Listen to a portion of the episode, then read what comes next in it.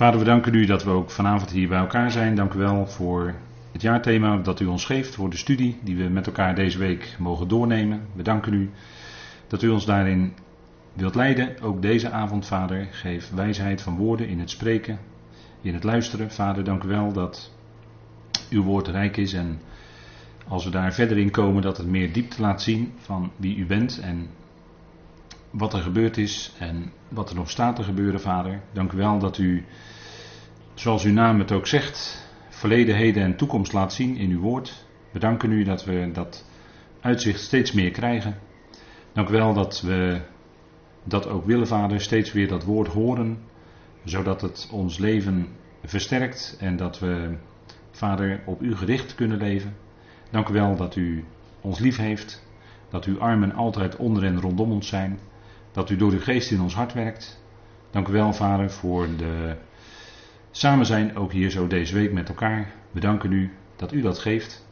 Vader, dank u wel dat ook daarin alles in uw hand is. Vader, we danken u voor uw liefde en trouw, dat u zo ook deze avond ons verder wilt leiden. Door uw geest mag het zijn tot opbouw van het lichaam van Christus en mag het zijn bovenal tot lof en eer van uw naam. We danken u daarvoor in de naam van uw geliefde Zoon. Amen. Goed, we waren gebleven bij uh, bladzijde 6. En daar zijn we gisteren morgen aan het eind van de ochtend mee geëindigd. En dat is ook deze dia. Een, uh, iemand die een uh, tekening heeft gemaakt van Ezekiel, die dan dat bijzondere visioen krijgt. Ezekiel 1, het openingsvisioen van dat Bijbelboek. En wat ook in Ezekiel 10 nog terugkomt. En uh, soortgelijke beelden zien we ook in bijvoorbeeld het boek Openbaring. Waarin ook natuurlijk gaat over de toekomst. En Ezekiel mocht ook kijken in de toekomst, de dingen die gaan gebeuren.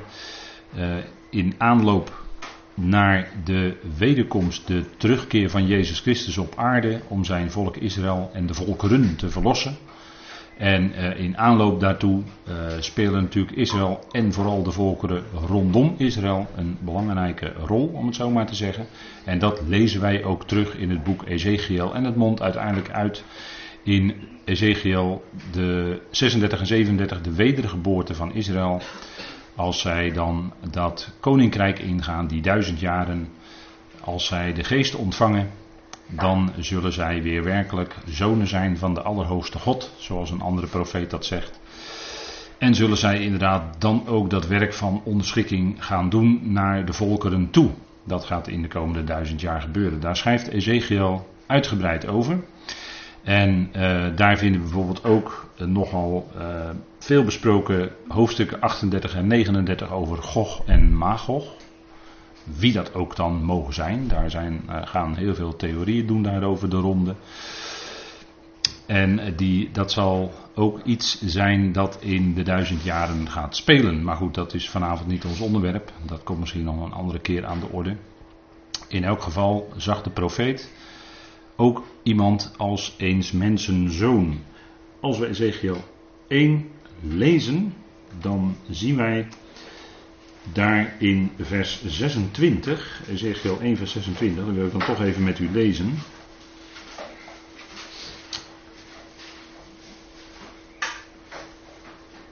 En het voert natuurlijk te ver om dat hele visioen te bespreken met elkaar vanavond, maar wel dat punt waar het even nu in de kader van deze studie deze week om gaat.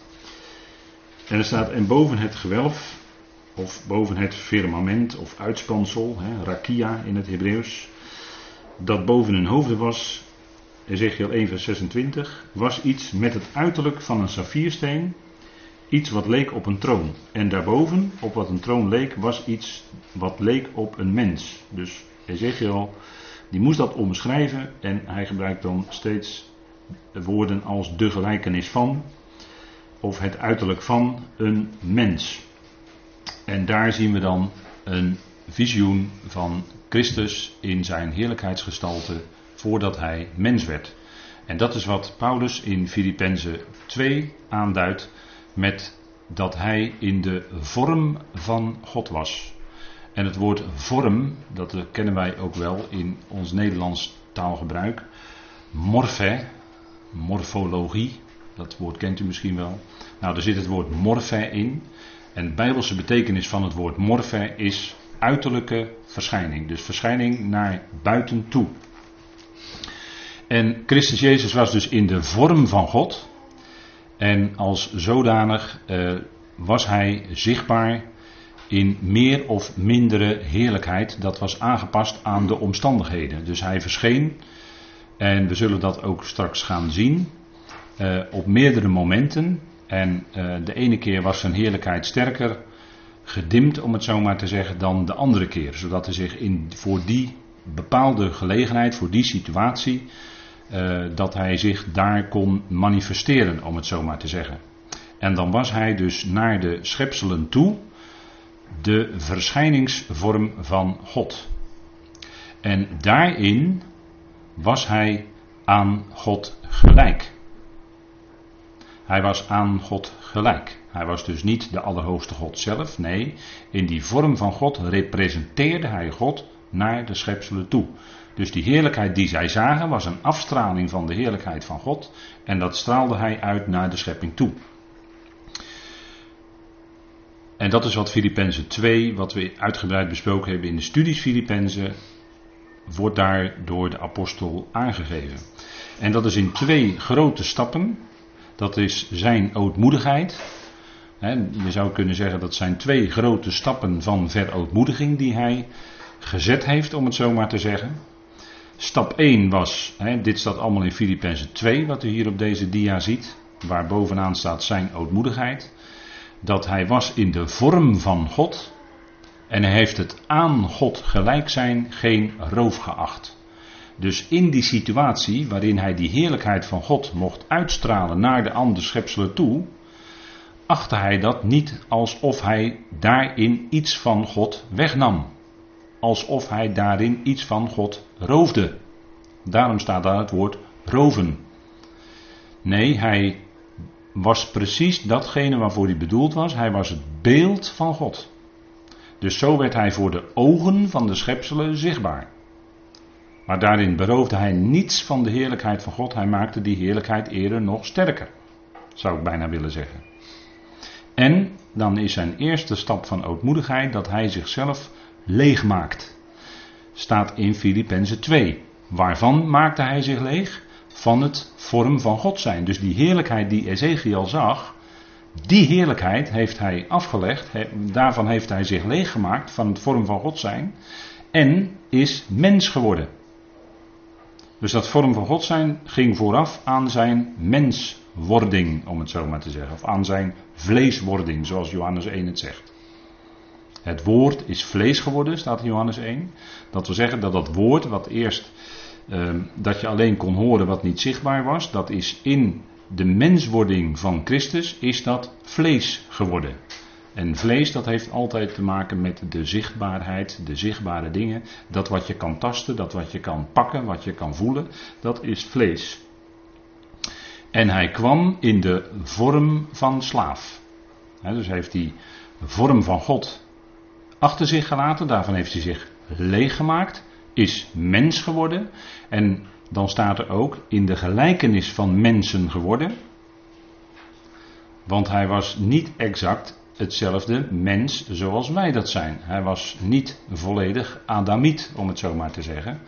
Omdat hij verwekt was, hebben we de vorige keer ook besproken met elkaar, door Heilige Geest bij Maria. Dus hij was niet een mens zoals ieder ander vanaf Adam verwekt door een ander mens. Nee, bij hem was het natuurlijk bijzonder dat hij zijn geest direct van God kreeg. En daarin was hij een heel bijzonder mens. En vandaar dat er ook staat, hij is aan de mensen gelijk geworden. In de gelijkenis van de mens. Dat woord gelijkenis wordt niet voor niets gebruikt. dat is om een vergelijking uit te drukken. En dat wil niet zeggen dat iets dus, dat hij als mens identiek was aan al die andere mensen. Nee, hij had de gelijkenis van de mens. En hij kwam in die menselijke gedaante, om het zo maar te zeggen, om, waarom? Om te kunnen sterven. Dat is het punt. En Dat is wat Paulus ook zegt in Filippenzen 2. In de gedaante als mens bevonden, verootmoedigt hij zichzelf. Daar heb je die verootmoediging weer. En is gehoorzaam, gehoorzaam wordend tot aan de dood. Ja, de dood van het kruis. Dus we wordt twee keer ook het woord dood genoemd. Hè? Thanatos, dat betekent doodgaan eigenlijk. Het is niet sterven, maar het moment daadwerkelijk van doodgaan. Dat drukt het woord thanatos uit in het Grieks. En dat wordt hier twee keer gebruikt. En de dood zelfs van het kruis. En dat, leidt, dat wijst op zijn diepe lijden wat hij onderging. Niet alleen toen hij als mens op aarde wandelde te midden van zijn volk in zijn dienstbetoon eh, leed hij. Maar het diepste lijden was het lijden aan het kruis. Dat was zijn grootste vernedering. Dat was uh, hoe in die tijd een slaaf werd terechtgesteld. En hij kwam ook in de vorm van slaaf. Hij was niet wezenlijk zelf een slaaf, maar hij was in de vorm van slaaf. Dan nauwkeurig die woorden meenemen die Paulus gebruikt. Hè? Als je die woorden meeneemt in je gedachten van dat het zo was. Want anders, als je het probeert zelf te formuleren met eigen menselijke woorden, wat zo vaak gebeurd is in de geschiedenis, dan ga je al heel snel ernaast. En daarom wegen we die woorden die in de schrift staan, in de brief van Paulus. En dit gedeelte is ook een heel geladen gedeelte, Filippenzen 2. Waarin je dus ieder woord moet wegen. Wat betekent het in de Bijbel en wat betekent het dan in deze context specifiek. En dit zijn de twee grote stappen van verootmoediging. Zijn ootmoedige gezindheid die uh, straalt hier aan alle kanten uit dit gedeelte van Filippenzen 2. En dat is voor ons het voorbeeld. Dat is voor ons voor de praktijk van ons leven, want Filippenzen 2 gaat over de praktijk. Dat is voor de praktijk van ons leven het grote voorbeeld, Christus Jezus. Dat is het eerste grote voorbeeld in Filippenzen, het eerste van de vier. hoe zouden wij leven? Nou, kijk naar die gezindheid van Christus Jezus. Hoe diep dat is gegaan. En dat is voor ons het voorbeeld van gezindheid.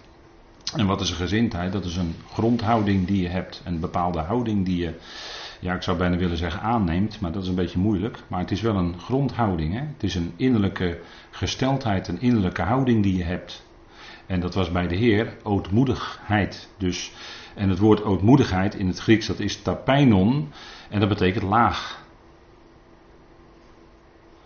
En dat is uh, ook wat, Paulus inleidend zegt hè, in dit gedeelte dat we de, elkaar uh, superieur achten aan onszelf. Laten we het toch maar even met elkaar lezen. Filippenzen 2. Maar toch even dat inleidende stukje op vers 5 tot en met 11 even erbij nemen. Want dat is denk ik toch wel goed om even met elkaar te bekijken. Omdat Paulus daarin juist, hè, Filippenzen is juist een brief die zo enorm praktisch is. Die zo gericht is op de praktijk. Hè. Hoe zouden wij in de praktijk als uh, gelovige mensen leven en zijn, nou dat maakt Filippenzen heel erg duidelijk.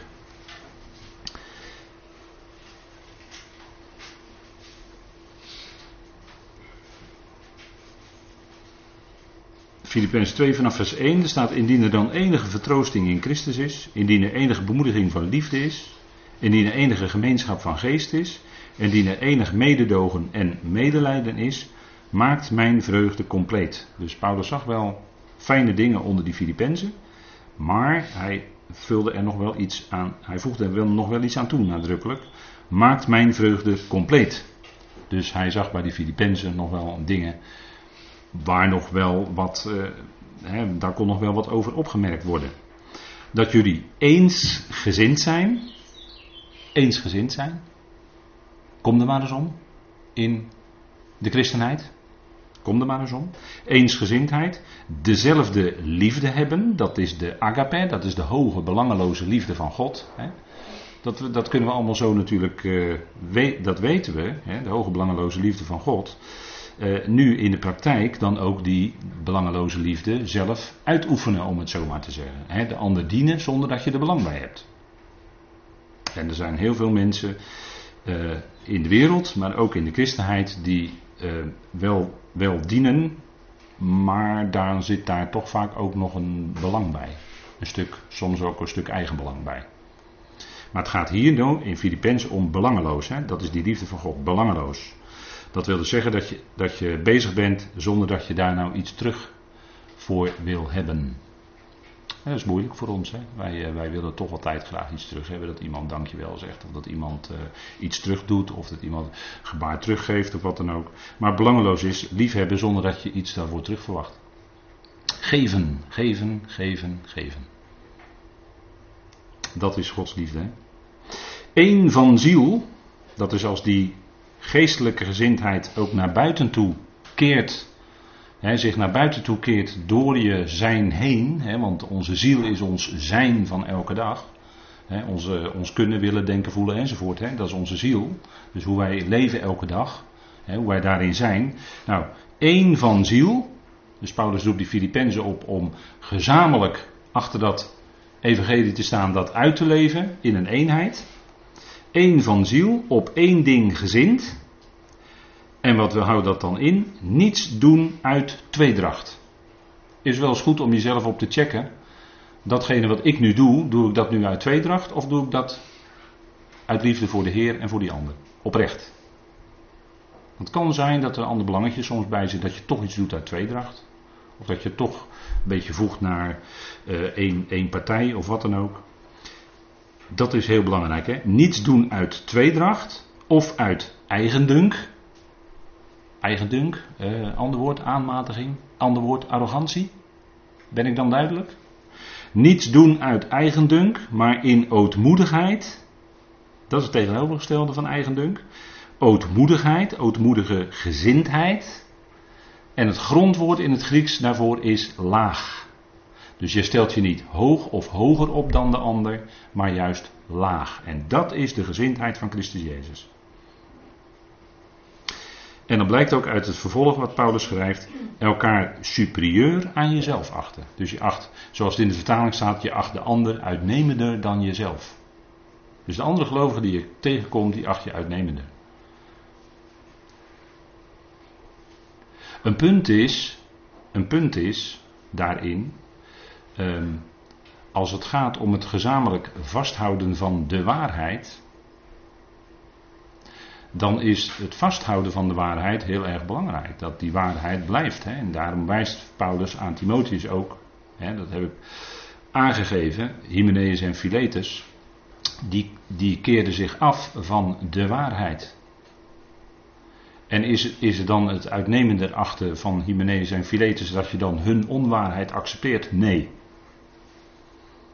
Als, als medegelovige acht je ze uitnemender dan jezelf, maar als het gaat om de inhoud wat dan op een gegeven moment verkondigd wordt, of wat iemand vindt, als dat indruist tegen de waarheid, dat is wat anders. Want dan gaat het om de waarheid van Gods woord. En die waarheid zouden wij vasthouden. dus het is niet zo dat we, als we met elkaar uh, bij wijze van spreken in gesprek zijn, uh, dan, dan is het goed om die ander uitnemender te zien dan jezelf. Alleen op het moment dat, dat je merkt, ja, dat is uh, verschil van inzicht of wat dan ook, ja, dan gaat het uiteindelijk toch om de waarheid. En dan blijf je in respect naar elkaar toe. Alleen het gaat om de waarheid van Gods woord en dat houden we vast. En die lijn, die houden we vast. En dat kan niet, ja, daar kan je niet mee. Uh, daar kan je geen water bij de wijn doen. Paulus zegt in de Korinthebrief bijvoorbeeld dat er velen zijn die het woord van God versjaggeren. Wat is dat? Dat is water bij de wijn doen. He, dat is bijvoorbeeld uh, iets, uh, als je iets verkoopt, uh, een of andere vloeistof, en je verkoopt dat als puur en je doet er water bij, je gaat het een beetje aanlengen met water en je verkoopt het alsof het puur is. Dat is versjaggeren. En dat kunnen we met Gods woord niet doen bij Gods woord, als het gaat om de waarheid, kun je geen water bij de wijn doen. Kun je, geen, kun je dat niet verdunnen met andere dingen. Want dan raak je de essentie eh, van het woord kwijt en dan raak je ook een stukje waarheid kwijt. En het is maar een kleine afwijking eh, voor nodig. En eh, dan ben je na een, na een tijd ben je een heel eind, heel eind uit de koers geraakt hoor. Maar het hoeft maar met een heel klein dingetje te beginnen.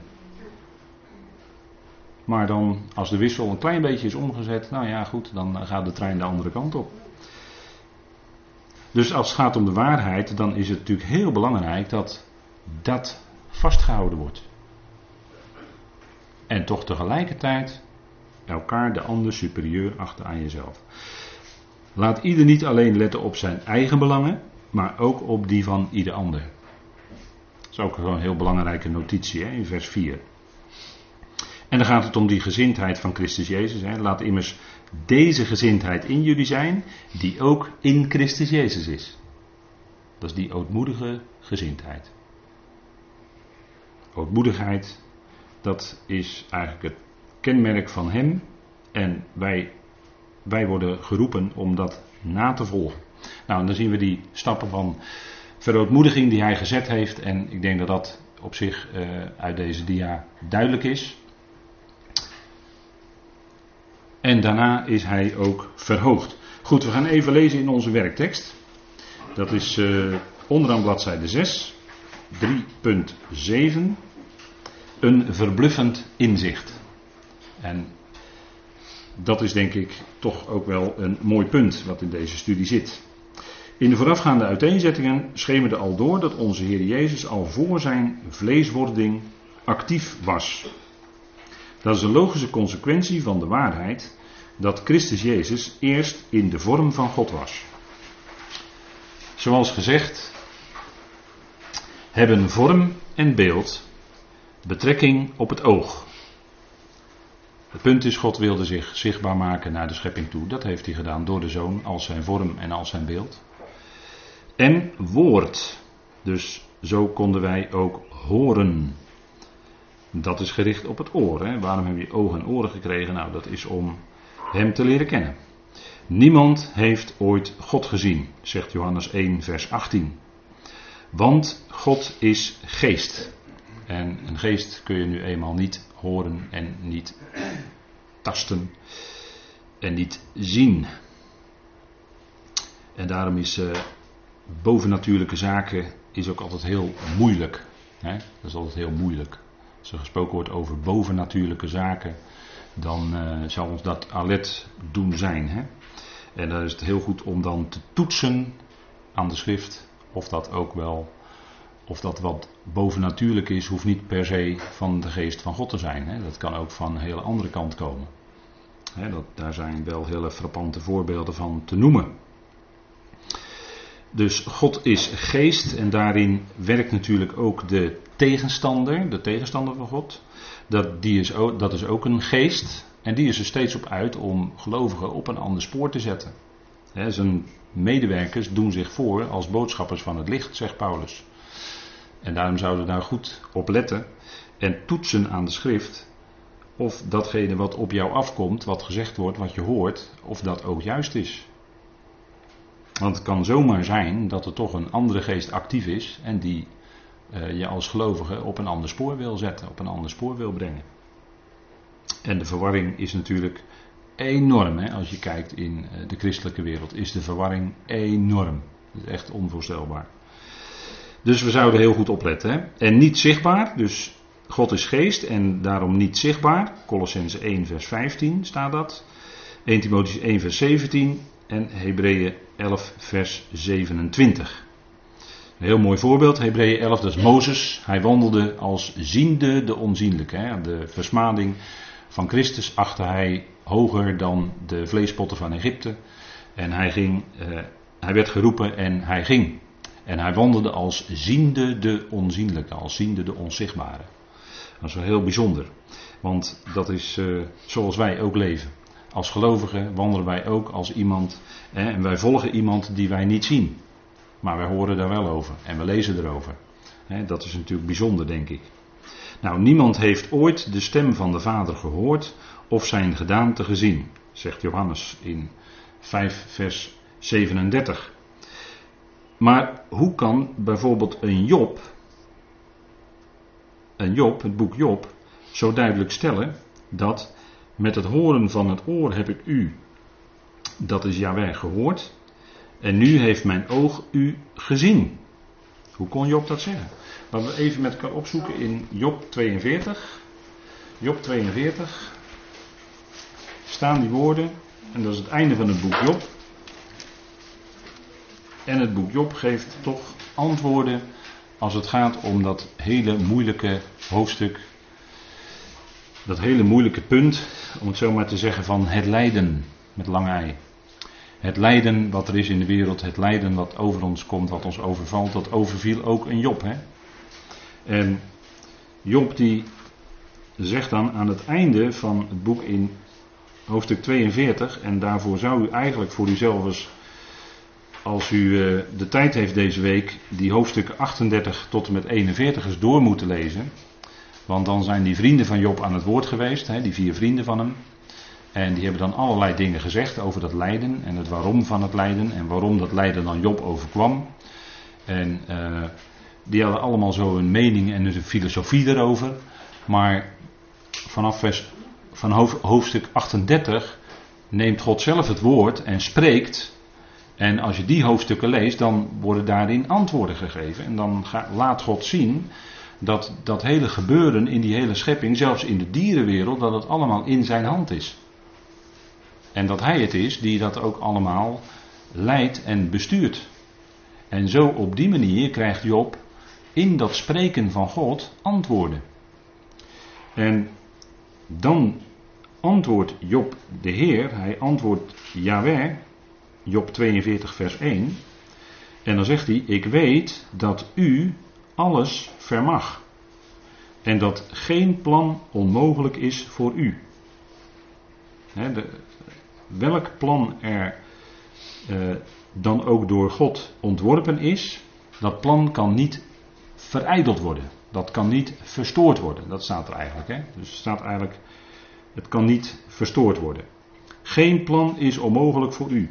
En wat een enorme erkenning is dat hier van Job, die een echte gelovige was. Hè? God had hem echt geloof gegeven. Wat een enorme erkenning is het van Job hier van God.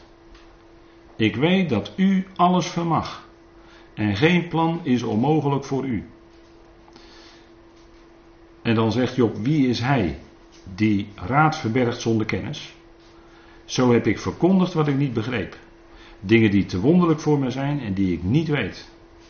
Luister nu en ik zal spreken. Ik zal u ondervragen en maak, het, en maak mij bekend. Door het horen met het oor had ik u gehoord, maar nu heeft mijn oog u gezien. Je kunt het eigenlijk ook vertalen met maar nu ziet mijn oog u. Dus en met het horen is dat is een, uh, dat is een verbinding verder weg dan het zien. Het zien is een veel directere contact, een veel directere verbinding dan alleen het horen. Dus daar, daar zie je in dat Job in zijn geloofsleven verder is gekomen. En zei ja, dus hij heeft enorm geleden. En de vrienden van hem die kwamen bij hem en die gaven allemaal antwoorden die zij meenden dat goed was op zijn lijden en het waarom van zijn lijden in zijn leven. Maar toen ging God spreken en toen kreeg Job antwoorden. En op basis daarvan, van dat geheel, van het lijden wat hem overkwam en wat hij doormaakte en het spreken van God, wat God zei, dat was voor Job bepalend. En daarom kon hij zeggen: Ik had met het oor van u gehoord maar nu ziet mijn oog u. Dus dat had een verandering in Job teweeggebracht. Het had ook een groei in geloof in Job teweeggebracht. En een diepere erkenning van wie God is. En dat is waarom uh, God in het leven van Job een stuk lijden liet brengen. En Job door die diepte heen voer en aan het eind zie je dus dat Job verder was gekomen daardoor. En de lessen die wij leren als gelovigen zijn vaak juist in periodes van lijden en van verdrukking, juist in die hele moeilijke periodes, is het zo dat ons geloof groeit. Omdat je daarin heel duidelijk ervaart dat Vader heel dichtbij is. En dat je daarin uh, meer en meer vertrouwt op Vader. want het kan best zijn dat hij in ons leven allerlei dingen uh, als het ware wegneemt en misschien ook soms wel wegslaat, zodat ons vertrouwen alleen op Hem zal zijn. En dat wij niet langer vertrouwen op onszelf. En dat was ook de ervaring van de apostel Paulus. Als je in de tweede Korinthebrief leest, in het eerste hoofdstuk, dan uh, zegt hij dat ook dat hij een enorme verdrukking had ondergaan, opdat, ik niet, opdat we niet langer op onszelf zouden vertrouwen, maar op God, die de doden opwekt, zegt hij. Dus daar geeft hij ook in feite die lijn aan. En dat was ook zo in het leven van Job. Dus dat is een woord in Job 42 wat, waar je goed over na kunt denken. En wat je door de ervaring heen leert. Hè, als je uh, net tot geloof bent gekomen, dan um, zul je de diepte van wat Job daar zegt nog niet zo beseffen. Maar als je tientallen jaren verder bent gekomen in je geloofsleven en je hebt dingen meegemaakt, dan ga je wat meer begrijpen van wat Job daar schrijft, wat Job daar zegt. En dat hij was net zo'n mens als wij, hè, zegt Jacobus. En um, hij ging door lijden heen en dat gaan wij ook bij tijd en gelegenheid. En dat is niet voor niets. Nou, dat heeft een bedoeling. En dat zegt Paulus ook in de tweede Korinthebrief, waarin hij aan het eind van hoofdstuk 4 zegt dat het lijden en de verdrukkingen dat bewerkt, dat bewerkt heerlijkheid. Dus dat is een weg die God met ons gaat, uh, waarin, uh, ja, waarin het soms heel moeilijk is, maar we kunnen dan voor ogen houden dat God daarmee een stuk heerlijkheid uit gaat werken. En dat zullen we in de toekomst gaan zien en ervaren en meemaken. dat is een hele duidelijke koppeling, hè? lijden en heerlijkheid. Het ging bij de Heer ook door lijden heen naar heerlijkheid. En aan ons is geen andere weg beloofd. Van ons gaat het, voor ons gaat het ook niet allemaal van een leien dakje. Goed, we lezen nog even verder in uh, de tekst. Bovenaan bladzijde 7.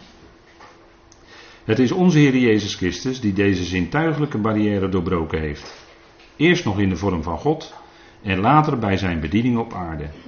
Dankzij hem konden menselijke ogen God zien en menselijke oren God horen. En daar was het God om te doen. Hij wilde contact met zijn schepselen. Daarvoor heeft hij ze ook in het leven geroepen. Dat hij zijn liefde en zijn wijsheid en zijn genade kon laten zien. Dat hij met ze kon delen. Wanneer wij met deze kennis de Hebreeuwse schrift lezen, zullen wij tot het verbluffende inzicht komen dat onze Heer toen reeds alles aan het, voor, toen reeds alles aan het voorbereiden was van wat later in de Griekse schrift over hem geopenbaard zou worden. Toen in de Hof van Eden Adam en zijn vrouw ontdekt hadden dat zij naakt waren en God zo niet meer onder ogen durfde te komen, maakte Yahweh Elohim voor hen kleding van vel en bekleden hen daarmee. Laten we even lezen in Genesis 3.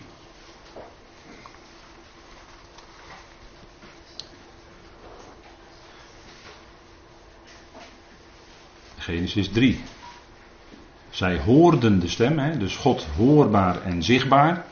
Dat is het werk van Christus. En in Genesis 3 zien we ook eigenlijk in dat Yahweh Elohim, dat daarin de Heer zelf al actief is en ook de mens onderwijst. De mens had gezondigd en hij verschool zich, hij verstopte zich, of meende dat te kunnen doen, voor de Heer. En dan lezen we in Genesis 3, vers 9. En de Heere God riep Adam, dus Adam hoorde de stem van God. Dat wilde zeggen via hem, hè, via de Heer, via Christus. En de Heere God riep Adam en zei tegen hem: Waar ben je? En dat is ook wat God misschien wel eens op sommige momenten indringend tegen ons zegt in ons leven. Waar ben je? Waar zit je?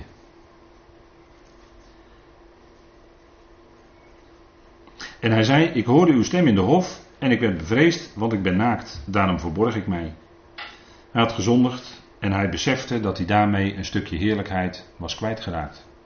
wat er vaak gedacht wordt, is dat de mens een bepaalde uitstraling had, een bepaalde beperkte lichtuitstraling.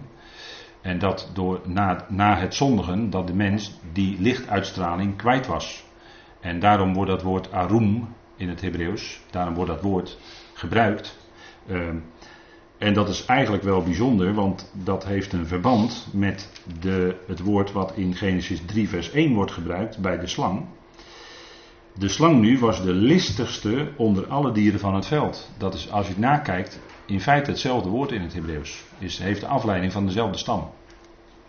Als het woord wat hier dan met naakt wordt vertaald. En je zou kunnen zeggen, misschien is dat wel een impliciete verwijzing naar de eigenwijsheid van de mens. De mens die had geluisterd naar de slang. Nou, de wijsheid van de slang, waardoor de mens in eigen wijsheid was vervallen en toch van de boom van kennis had gegeten.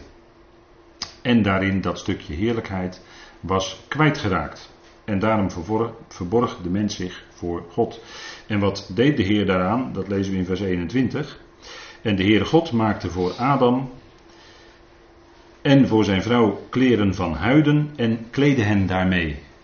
Want wat ging de mens eerst doen? Die ging zichzelf kleding maken van vijgenbladeren. Dat is ook een uitbeelding van eigen werken van de mens. De vijg, de vijgenboom, de vijgenbladeren, uitbeelding van eigen werken. Waarmee de mens zich graag wil bekleden, maar dat houdt geen stand. En daarom maakt de Heer voor de mens wat definitievers. En daarvoor moest dus een dier gedood worden. Dierenhuiden. En daar werd de mens mee bekleed.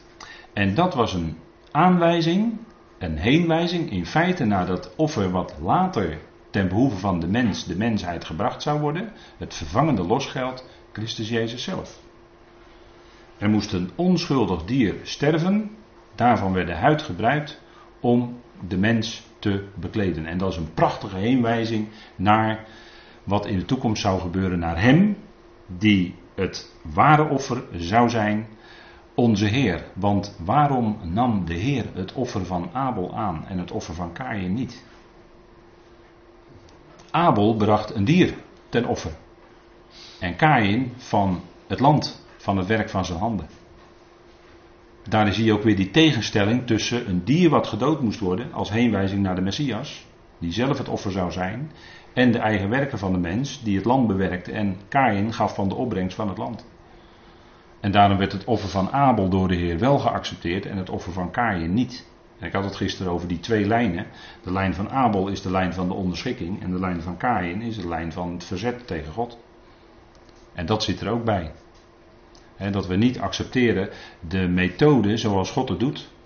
En God deed dat via zijn eigen zoon uiteindelijk te laten sterven. Want veel mensen hebben daar bezwaar tegen. Ja, nu moet er een dier gedood worden om de mens dan van kleding te kunnen voorzien. Dat accepteren, dat accepteren veel mensen gewoon niet. Moet er dan bloed vloeien enzovoort, is de vraag. Nou, omdat het een heenwijzing is, daarom gebeurde dat, omdat het een heenwijzing is naar het grote offer, het lam van God, wat uiteindelijk de zonde van de wereld zou wegnemen. Daarvoor was dat. Dus daar zien we al een stuk onderwijs en daar zien we Yahweh Elohim, dus de Heer zelf in feite, aan het werk om zijn eigen werk, wat hij later als mens zou doen, voor te bereiden. En dat is heel wonderlijk. Hè? En dat is wat de schrijver van deze studie noemt een verbluffend inzicht. En dat is toch denk ik wel bijzonder, ja. Door tegen Gods gebod in te nemen van de boom van de kennis van goed en kwaad, we lezen even verder op bladzijde 7. Eerst door Eva en later door Adam was tussen de mens en God verwijdering ontstaan. De dood had zijn intrede gedaan, want dat was gezegd in de dag dat je daarvan eet, zal het sterfproces gaan werken en zul je ook uiteindelijk sterven. Tot stervens toe zul je sterven. Er staat twee keer dat woord in het Hebreeuws.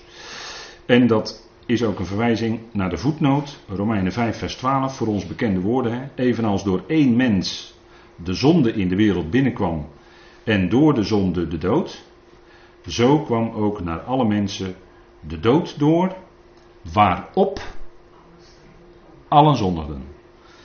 Waarom zondigt de mens? Omdat hij stervend is. We moeten niet omdraaien, er is niet sprake van erfzonde, maar er is sprake van erfdood. Erf, erfelijk sterven. Dat is een omkering. En dat zit in het woordje waarop, hè?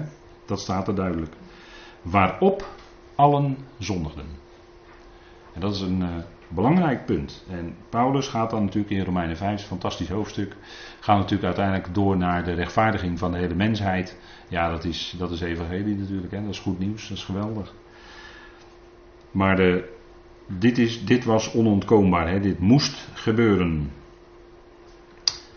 Waarom had God anders die boom van kennis in de hof gezet in het midden? Had het toch ook die boom daar helemaal niet neer kunnen zetten? Nou, hij stond daar heel bewust en werd er nog op gewezen ook door het op te wijzen, je mag er niet van eten. Dus werd er nog op geprikt, ook die mens op die boom. Ja, en dan hoeft er maar eentje even wat te lispelen en dan wordt die mens misleid en dan eet hij. En dan gaat het stervensproces komen en zo moest het ook gaan. Dat was het plan van God. Dat was het plan van God. Kon niet anders. God had het allemaal zo voorbereid. Zo moest het gaan, hè. En dat is uh, fantastisch hoor. Door een dier te slachten en met het vel de mens te bekleden, gaf hij de mens het middel om toch te kunnen naderen. Een duidelijke aanwijzing geeft de bloedstollende geschiedenis van Abraham en Isaac in Genesis 22. Abraham zou niet Yitzchak, maar een ram offeren. Want het ram daarin was ook al voorzien. Hè? Dat zat met zijn horens in dat suikgewas daar. Zat vast. Had God ook al in voorzien. God had natuurlijk die hele weg al bepaald dat uh, Abraham uiteindelijk niet zijn zoon hoefde te slachten, om het zo maar te zeggen. Nee, er was een ram voor in de plaats. En dat was natuurlijk ook weer een heenwijzing naar de Messias die vervangend losgeld zou zijn. Alles ten teken van wat komen zou. Hè, het sprak van hem die komen zou. Met het offer van onze Heer en Redder. Hè. Als we, de Genesis, dat is de Torah. En als we de Torah horen. Als we de Torah horen. Dan horen we daarin de Messias. De Torah spreekt van Christus in de eerste plaats. Het gaat eerst om de Messias. Dat staat bovenaan. En de Torah zegt een heleboel dingen. Maar in alle beelden en typen gaat het om de Messias. Het gaat om hem die komen zou. Dat is, dat is de belangrijkste functie van de Torah, waarvoor die gegeven is. Later zou hij dit verder uitwerken in de offerdiensten zoals beschreven in de Torah. Nou, dan verwijs ik alleen maar naar de Leviticus 1 tot en met 5. De offers die daar gebracht worden. Allemaal heenwijzingen op een of andere manier naar het leven en het werk van de Messias. Van Jezus die komen zou. Dat is geweldig wat daar staat en wat dat allemaal betekent. Dat is een studie apart. Maar dat is uh, geweldig. Zo bereidde onze Heer zijnde in de vorm van God zijn offer voor als het lam van God dat de zonde van de wereld wegdraagt. Johannes 1, vers 29. Johannes zag hem komen en zegt: Zie het lam van God dat de zonde, enkelvoud, enkelvoud, belangrijk hoor, dat de zonde van de wereld wegneemt. Dus hij nam in één keer die hele zonde, droeg hij. En we lezen ook in 1 Petrus 1, laten we het ook even met elkaar lezen. Kunnen we even opslaan met elkaar. Even af en toe wat opzoeken, dan blijven we wakker in deze warmte. Hè?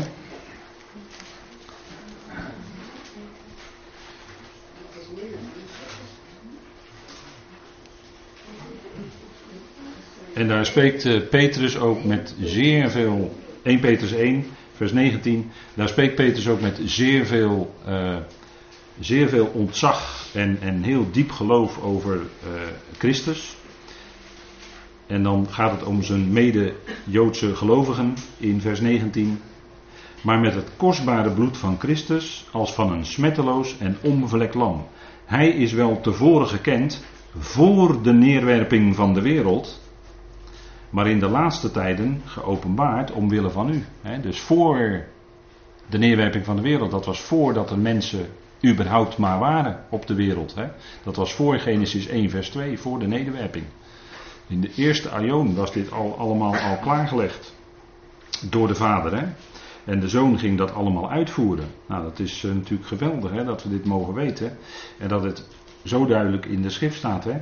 Het lam was al tevoren gekend voor de nederwerping van de wereld. En al daarom daarna, alle offerdieren die als offer gebracht werden, ja, dat was, eh, dat was eh, een duidelijke zaak natuurlijk. Abraham hoefde zijn zoon niet te offeren. En Hebreeën 11 zegt zo heel mooi: hij overlegde dat God bij machten was zijn zoon uit de doden op te wekken. En bij wijze van spreken heeft hij hem ook daaruit teruggekregen. Bij wijze van spreken heeft hij hem ook daaruit teruggekregen. Dus in feite was dat hele gebeuren van Genesis 22 een gebeuren van opstanding. Van opstanding uit de dood. Eigenlijk. Zegt Hebreeën. Zegt de Hebreeën schrijven. En dat geeft een bijzonder licht op die hele geschiedenis. En daarin bleek ook Abrahams enorme vertrouwen op God. En zijn enorme geloof in God. Welke God? God die de doden levend maakt. God die de doden opwekt. Die God. En daar wist Abraham van. En dat is geweldig, hè? Dat is uh, bijzonder hoor. Dat is bijzonder. Kijk, die Torah, wat Paulus ook zegt tegen de Galaten bijvoorbeeld. Hè, daar zegt hij van, uh, ja, jullie die onder de wet willen leven, horen jullie de wet niet? En waar komt hij dan mee? Met de geschiedenis van Hagar en Sarah enzovoort. En dat, dat is ook, zou ik willen zeggen, een verbluffend inzicht. Want wie had dat ooit kunnen denken dat die geschiedenis dat dat die betekenis in feite heeft. dat het daarom gaat. Gaat om vrijheid en slavernij. En vrijheid, waar Paulus het dan over heeft met gelaten over van de wet. En hier in Hebreeën 10 staat het natuurlijk ook. De wet, de Torah, de onderwijzing. Want het is afgeleid van het Hebreeuws uh, Yara, onderwijzen. Of uh, het heeft ook te maken met neerdalen. De wet, Torah, heeft een schaduw van de toekomstige goederen, zegt Hebreeën 10 vers 1. Het was een schaduw. Het was niet de werkelijkheid, het was een afschaduwing van wat later zou komen. Het was niet de volle werkelijkheid, het was niet waar het om draaide. Nee, later kwam die volle werkelijkheid met de komst van hem waar de Torah over sprak, in alle delen. Met de komst van de Messias, met de komst van de Christus, de gezalfde. Daar ging het om. En daarom zeggen de Hebreeën schrijvende, en gaat hoofdstukken lang in Hebreeën gaat het over Christus als de hoge priester naar de ordening van Melchizedek. Daar gaat het om. En er staat vol met verwijzingen naar Tanach, naar Torah. En het sprak dus allemaal van hem. En dat is wat we zouden doen. Hè? Als je echt, echt je oren te luisteren legt, dan moet je uh, dieper luisteren dan alleen wat de tekst klaarblijkelijk enigszins oppervlakkig zegt. Nee, het ligt veel dieper. Waar de, waar de Torah in werkelijkheid van sprak. Dat maakt het Nieuwe Testament duidelijk. En daarom zouden wij het oude, de Tenach, zouden wij ook lezen in het licht van het nieuwe. We zouden de Hebreeuwse schrift lezen in het licht van de Griekse schrift. En niet andersom. Want dan krijg je het volle licht, en zeker door Paulus, krijg je het volle licht op de betekenis van de schrift. Doe je het andersom? Dan raak je dingen kwijt, gegarandeerd. Dan wordt het verwaterd, dan wordt het verdund. Nee, dat is de aangewezen weg. Goed, we gaan even met elkaar pauzeren.